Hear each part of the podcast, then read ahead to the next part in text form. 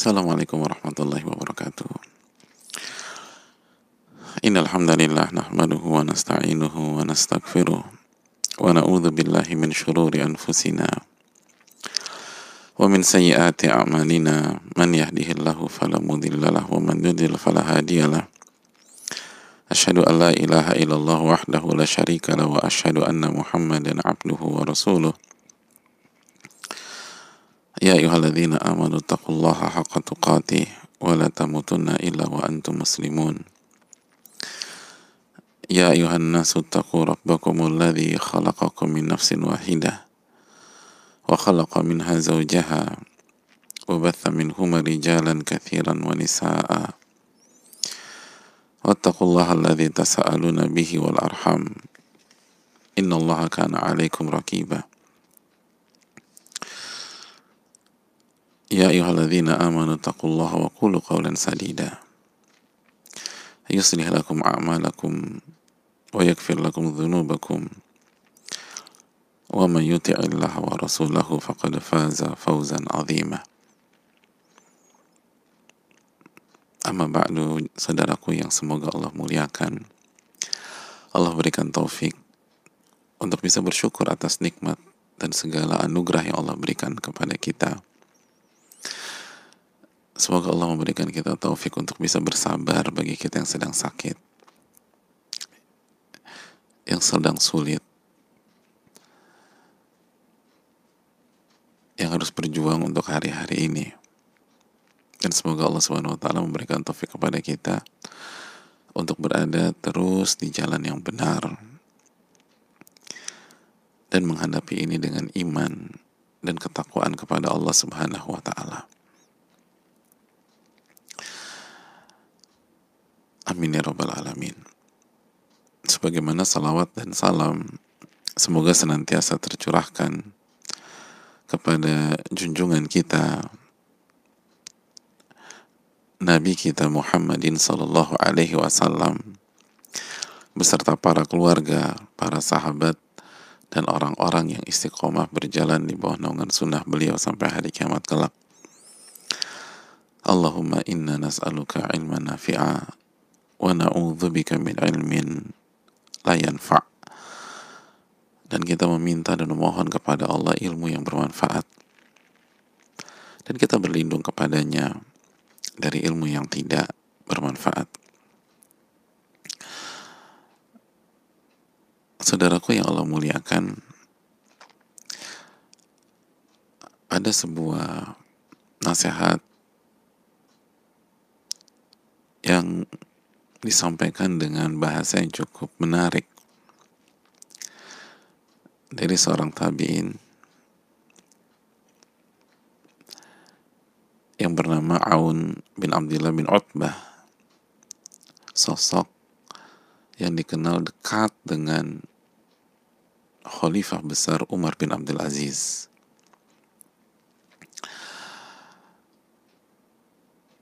Beliau pernah menyampaikan sebagaimana yang termaktub dalam Hilyatul Aulia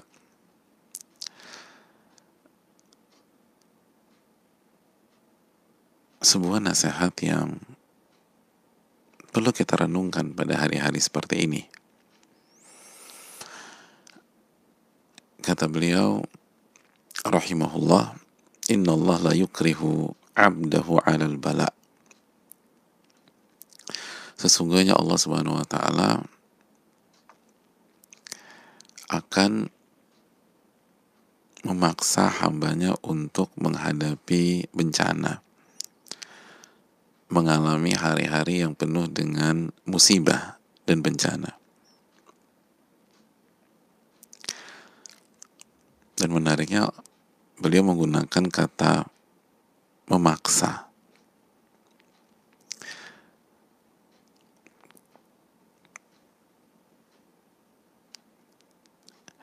sebuah uh, majas atau kata kerja yang digunakan untuk menekankan. Tapi mari kita simak dulu sampai akhir nasihat beliau. Kama yukrihu ahlul maridi maridahum.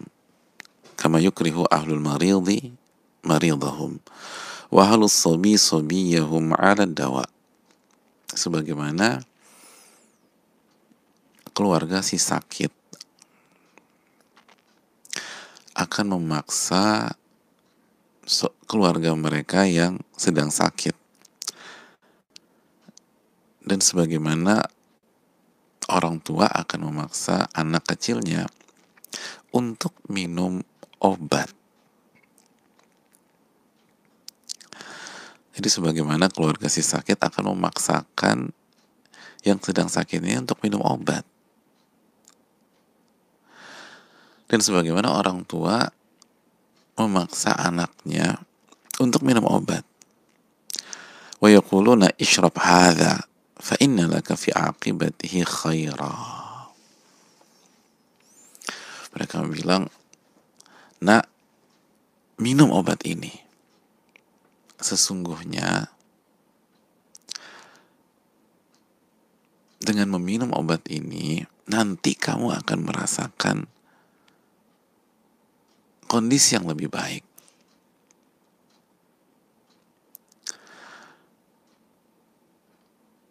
Insya Allah Allah akan sembuhkan kamu nak.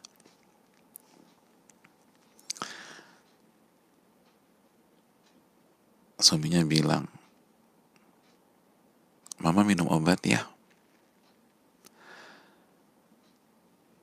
Biar Allah sembuhkan Mama. Atau biar Mama lekas sembuh insya Allah.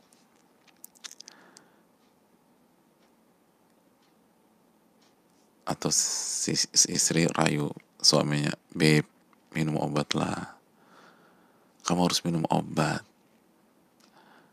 Kamu ini udah tinggi demamnya. Udah 39, harus minum obat insya Allah Allah akan sembuhkan melalui obat tersebut.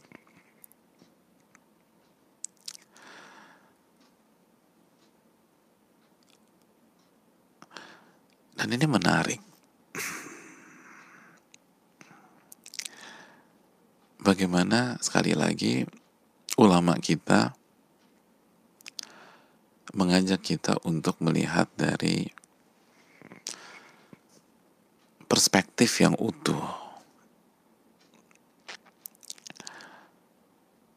bahwa musibah dan bencana itu berfungsi sebagai obat kepada kita.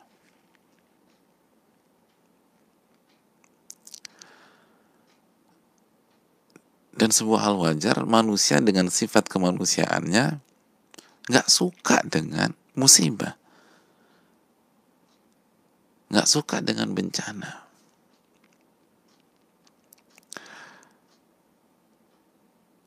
Walaupun Nabi kita Shallallahu Alaihi Wasallam sudah bersabda, Asyadun nasi bala'an al-anbiya, thumma salihun, thumma al-amthal, fal-amthal. Yang paling berat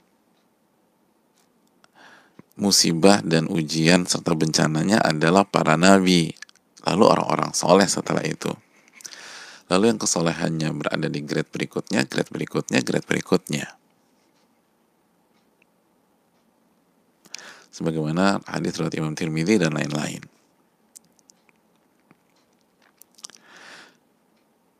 Tapi tetap aja manusia tuh nggak suka. Dan kalau bisa menghindar menghindar.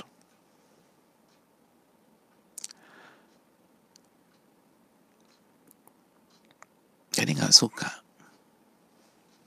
Sebagaimana kita tuh tahu misalnya bahwa ini obat bagus buat kita. Tapi kan kita punya seribu satu cara untuk mengungkapkan ketidaksukaannya, ketidaksukaan kita. Dan kalau bisa nggak minum, nggak minum. Iya kan? Karena memang obat itu secara umum pahit.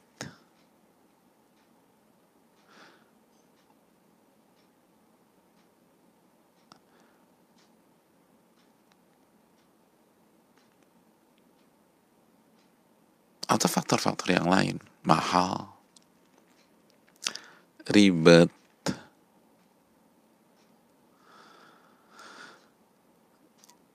Misalnya obat-obat yang ala apa yang istilahnya herbal atau yang langsung nggak pakai diolah segala macam sambiloto misalnya. Kan pahit banget. Nggak enak. Atau bahkan obat yang sudah direkomendasi oleh Nabi kita Sallallahu Alaihi Wasallam. Habbata sauda jintan hitam lalu kita kita makan yang natural terus kita kunyah. Nggak enak rasanya.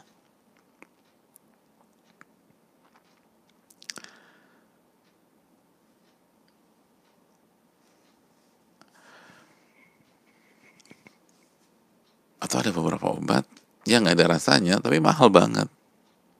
Udah nggak usah nggak usah. Nembus obat lagi. Berapa lagi uang yang harus saya bayar gumam seorang suami kepada istrinya. Atau mungkin gratis segala macam. Tapi disiplin minum obat tuh nggak mudah. Misalnya obat TB yang ditebus di atau ini puskesmas. Kan gratis. Pemerintah udah kasih gratis tapi berapa persen yang minum tuh obat?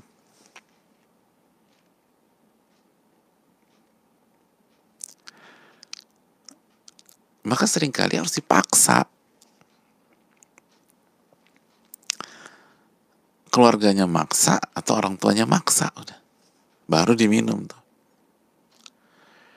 Dan lihat analoginya menarik sebagaimana orang tua memaksa anaknya minum obat anak kecilnya sobi kita tahu ketika waktu minum obat bagi anak kecil kita akan melihat sebuah drama di sebuah rumah. Ya kejar-kejaran lah. Ya ngelak lah. Wajah apa mukanya dilempar ke kiri dilempar ke kanan untuk minum sebuah sirup batuk atau demam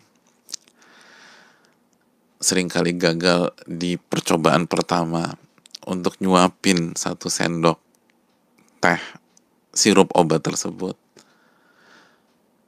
Karena berhasil ditangkis oleh si baby atau si bayi itu. Jadi pertahanannya kokoh.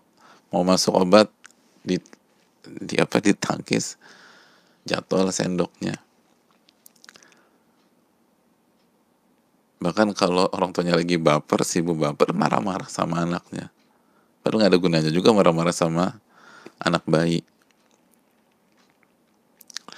Terus percobaan kedua ngelak lagi. Sampai akhirnya berhasil berhasil dibuang. Basah semua nih obat bajunya basah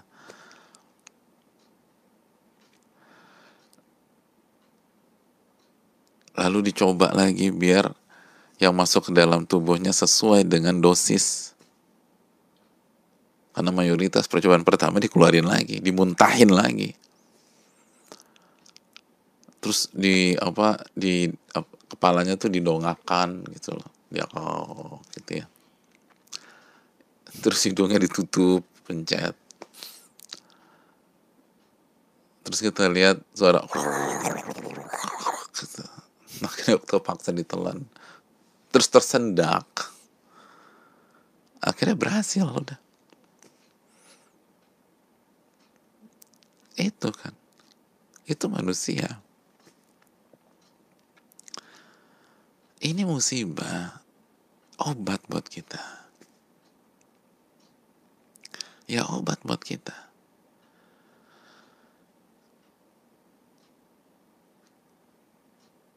Obat buat dosa-dosa kita.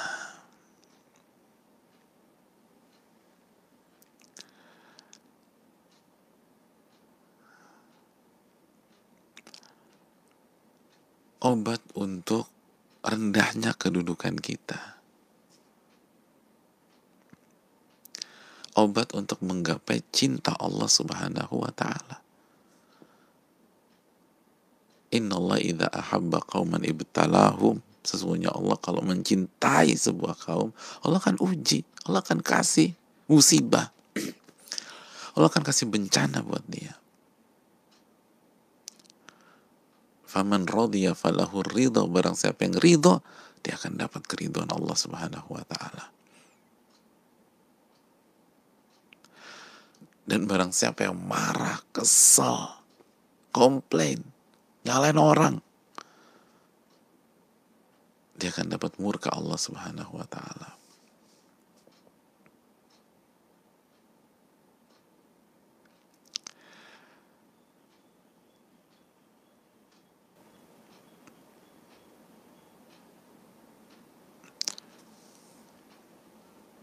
Ini obat. Obat dari virus malas ibadah kita selama ini. Obat dari kesombongan.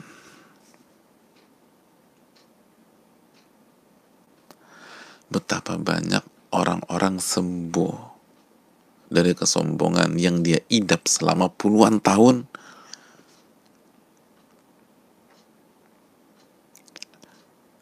begitu Allah kasih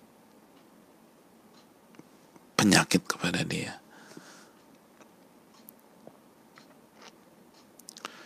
Suatu hari saya bertemu dengan seseorang.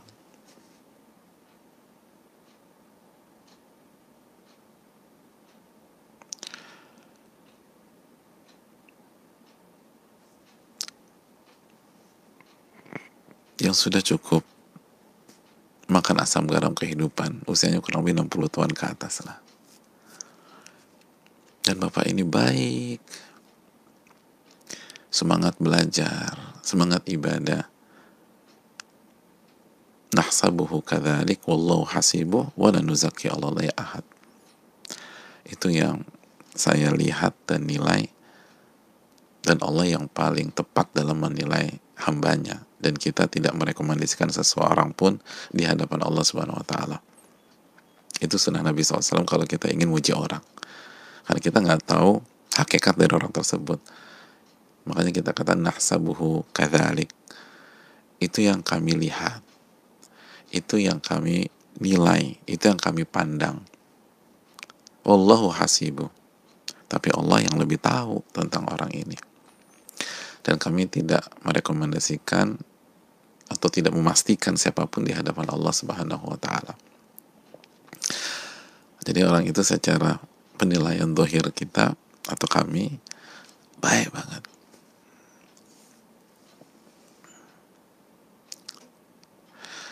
Lalu suatu hari akhirnya dapat kesempatan untuk berbincang dan ngobrol sama beliau. di tengah-tengah obrolan itu beliau sampaikan Ustadz saya ini dulu bandelnya minta ampun dan dalam profesi dan dunia beliau itu kalau bandel itu bukan bandel anak SMA bukan bukan bandel anak kuliah bahkan lebih parah daripada bandelnya preman atau geng motor dan seterusnya.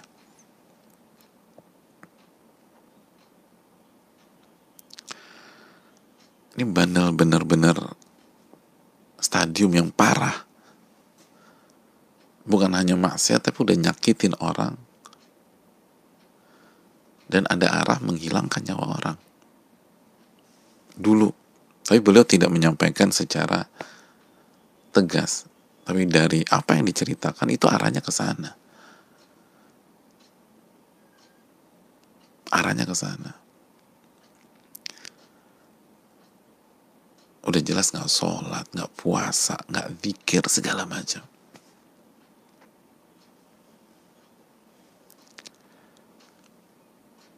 Gak mau saya ibadah.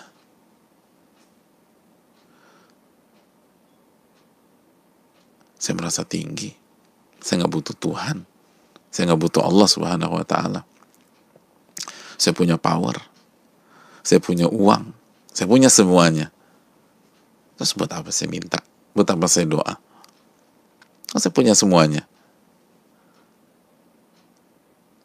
Hanya dengan isyarat jari saya bisa lakukan apa yang saya inginkan,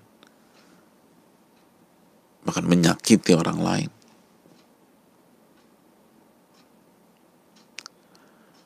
Dan itu bukan satu dua tahun.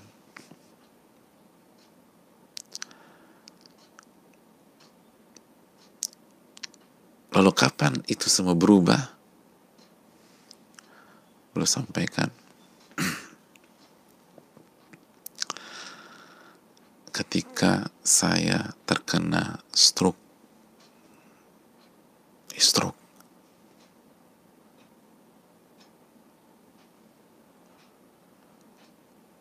Itu dari atas jatuh sejatuh-jatuhnya.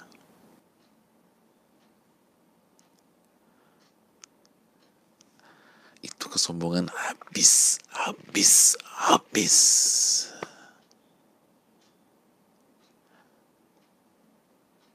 Merasa diri hebat itu runtuh seruntuh-runtuhnya.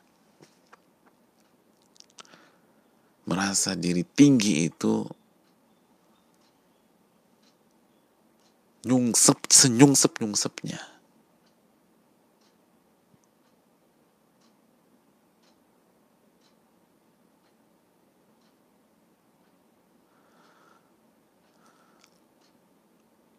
saya harus mulai dari nol. Itu pun udah bagus banget. Allah masih kasih kesempatan ke saya.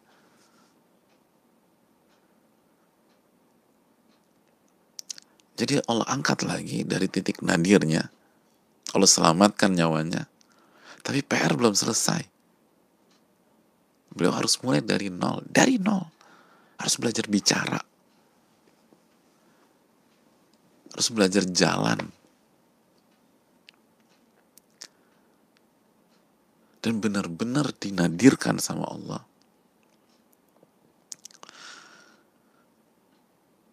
Itu pada saat itu beliau punya cucu.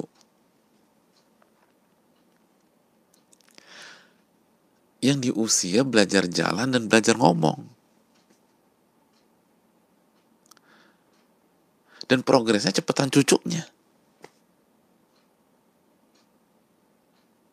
cucunya udah bisa jalan-jalan gitu dia masih jatuh. Bangkit lagi. Lo coba jalan jatuh lagi. Bangkit lagi. Terus cucunya lebih jago ngomongnya. Oh itu Ustaz itu kesombongan habis.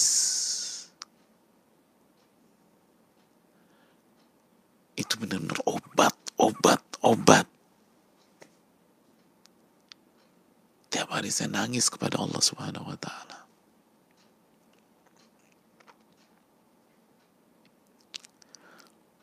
itu di situlah saya benar-benar bisa merasakan la haula wala quwata illa billah. Tidak ada daya dan kekuatan kecuali dengan pertolongan Allah. Siapa yang nggak hatam kalimat ini saudaraku? Kita dari kecil bisa ngomong la haula wala quwata illa billah. La haula wala quwata illa billah. Tapi mana pentadaburannya? Mana perenungannya? Mana perasa persapannya? Kita ngomong sekilas la haula wala quwata. Kadang-kadang sambil bercanda, la haula wala quwata illa billah. Ketawa ger karena ada sebuah, sebuah hal.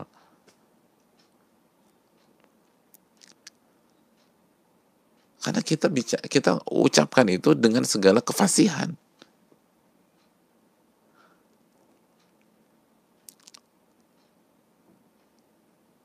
Saya hafal itu kalimat Ustaz sebandel-bandelnya saya kan masa nggak hafal sih? La haula wala quwata illa billah. Mungkin al-fatihah lupa. Kul a'udzu birabbil falak lupa. Kul a'udzu birabbin nas lupa karena nggak pernah dipakai. Ayat kursi nggak hafal. Tapi la haula wala quwata illa masih lancar Ustaz.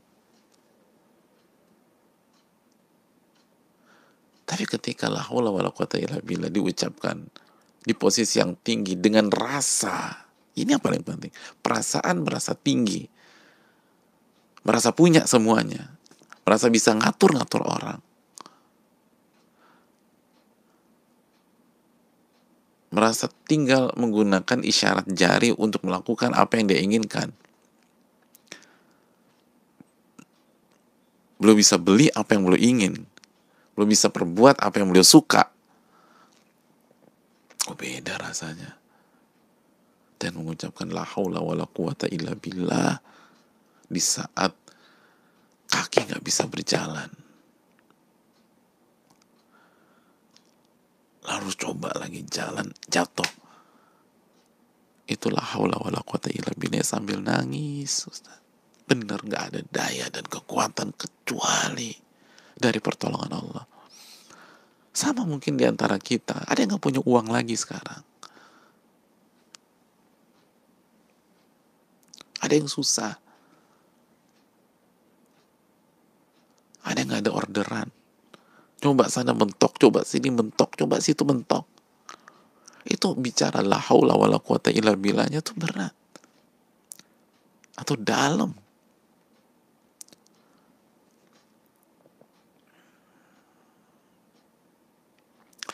Atau lagi di pinggir jalan lagi termenung kelaparan mengharapkan orderan gak ada.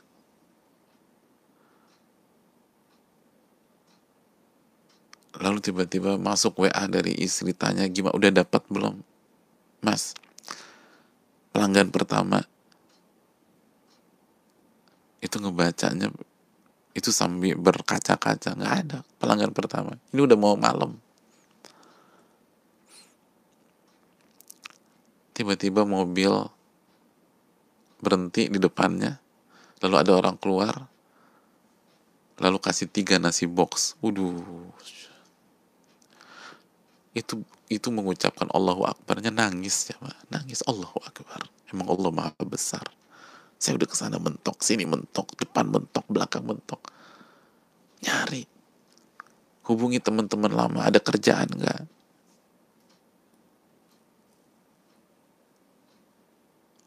tiba-tiba Allah berhentikan dan nggak tahu kenapa tuh mobil berhenti depan kita Padahal yang menepi di trotoar dengan nasib yang serupa itu bukan hanya kita di sepanjang jalan itu. Ada radius 100 meter ada orang lagi. 400 meter ada, 3 kilo ke depan ada. Tapi kenapa tuh mobil depan kita? Emang haula wala quwata illa billah. Allahu akbar. Itu dalam.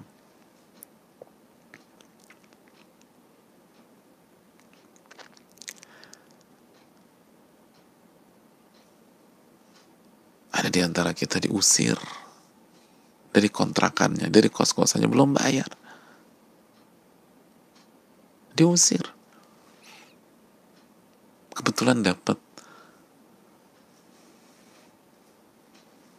pemilik yang tega, adik gini masih ngusir. Dengan alasan dia juga butuh uang.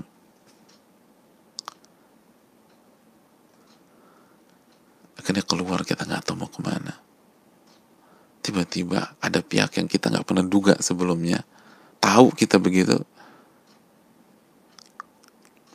uang kontrakan dibayarin paling nggak sebulan dulu atau diajak tinggal tempat lain. Oh itu la haula wala quwata illa billahnya beda hadirin itu mengucapkan alhamdulillah alladzi bi ni'matihi tatimu solihatnya tuh nangis. Orang udah mikir aku akan ngegembel. Aku akan tidur pinggir jalan. Udah mikir saya ini dibuang nggak punya uang. Tiba-tiba ada orang kayak begitu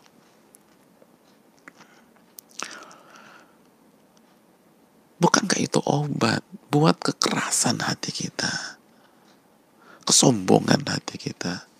Kesoktawan kita selama ini? Merasa diri besar? Itu obat.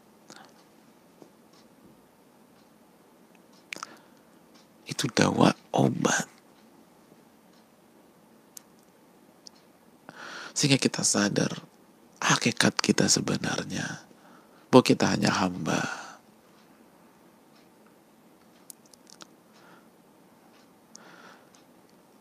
Sehingga kita sadar lalu kita kembali kepada Allah. فأخذناهم بالبأساء والضراء لعلهم يتضرعون maka kami berikan mereka sakit, musibah, kemiskinan, agar mereka tadarru kepada Allah. Itu obat biar kembali deh kepada Allah. Obat dari berharap, hati ini berharap kepada makhluk. Ternyata nggak efektif. saya bikin sakit hati akhirnya kembali kepada Rabbul Alamin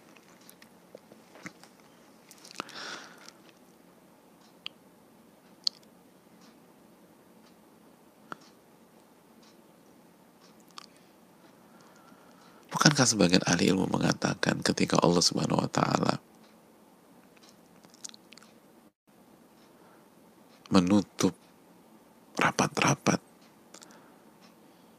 beberapa pintu di hadapan diri kita, pintu yang selama ini kita bisa masuki untuk nafkah, untuk rizki dan seterusnya. Tidak lalu melakukan itu agar kita membuka pintunya Rabbul Alamin. Agar kita sujud, itu obat, biar balik nih. Kalau nggak nggak balik-balik, la'allahum yarji'un. Agar mereka kembali. Makanya dibuat mentok, mentok, mentok, mentok.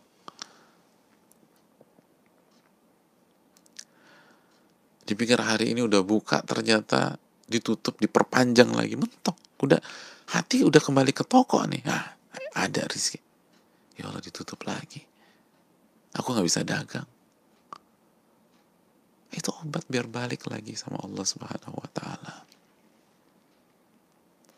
angkat tangan lagi minta lagi nangis lagi kepada Rabbul Alamin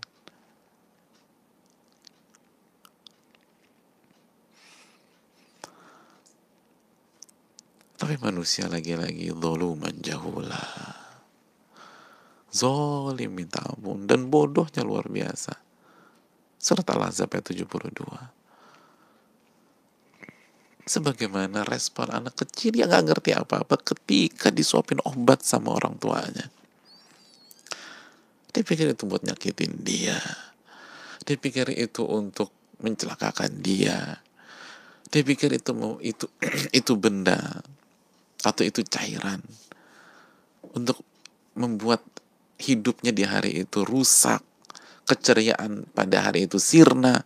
Padahal bukan itu maksud orang tuanya. Pahit, tapi berapa saat sih? Berapa saat? Justru dramanya lebih panjang daripada rasa pahitnya. Lihat kan anak kecil yang dipaksa minum obat itu, dramanya bisa 10 menit, bahkan 15 menit, bahkan bisa setengah jam. Nangis sana, nangis sini dibuntahin lagi tapi begitu berhasil dipak berhasil dipaksa minum sampai didongakan terus dibuka mulutnya terus hidungnya ditutup gitu ya. Akhirnya masuklah cairan pahit itu. Nangis tapi hilang hilangnya berapa lama? Kekal gitu. Khalidina fiha abada. Itu mah ayat tentang sorga. Khalidina fiha abada. Kekal selama-lamanya. Kan enggak. Udah pahit beberapa saat. Hilang lagi udah sama. Hari-hari ini berat. Tapi berapa lama sih? Insya Allah biidnillah yakin sama Allah subhanahu wa ta'ala. Optimis. Terus kita insya Allah akan lebih baik lagi. Tapi tetap berjuang bukan meremehkan. Tetap mengikuti himbauan. Dan kita orang-orang beriman mengikuti himbauan dalam rangka takarub kepada Allah, mendekatkan diri kepada Allah.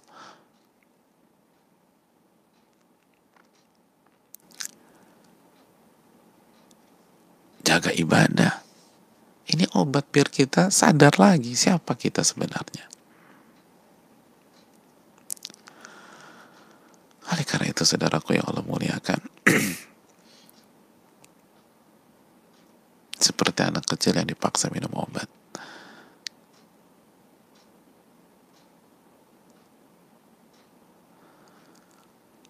kalimat menarik yang disampaikan Al-Imam Aun tersebut. Ini yang bisa disampaikan.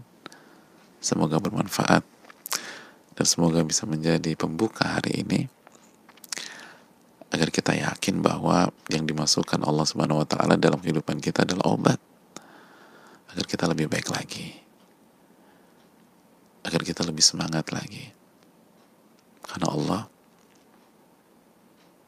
itu punya nama yang bernama Ar-Rahman, Ar-Rahim.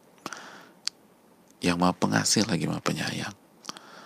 Al-Muhsin, yang maha baik. Gak mungkin hari-hari ini Allah tetapkan Allah ciptakan untuk kehancuran kita. Sedangkan kita beriman kepadanya. Kita beribadah kepadanya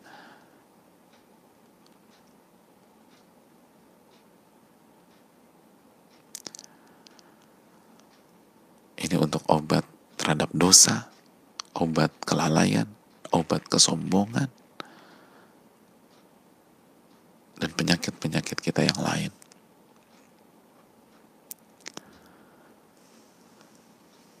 Maka selamat minum obat dan semoga kita menjadi hamba yang lebih baik lagi. Dan jika itu tercapai ya ja'allahu makhraja wa yarzuqu min haitsu la yahtasib. Allah akan berikan jalan keluar dan rizki dari arah yang tidak pernah kita duga-duga. Aku qouli hadza wa astaghfirullah semoga kita mendapatkan ilmu yang bermanfaat dan dilindungi dari ilmu yang tidak bermanfaat. Subhanakallahumma wa bihamdika la ilaha illa anta astaghfiruka wa atubu ilaik. Assalamualaikum warahmatullahi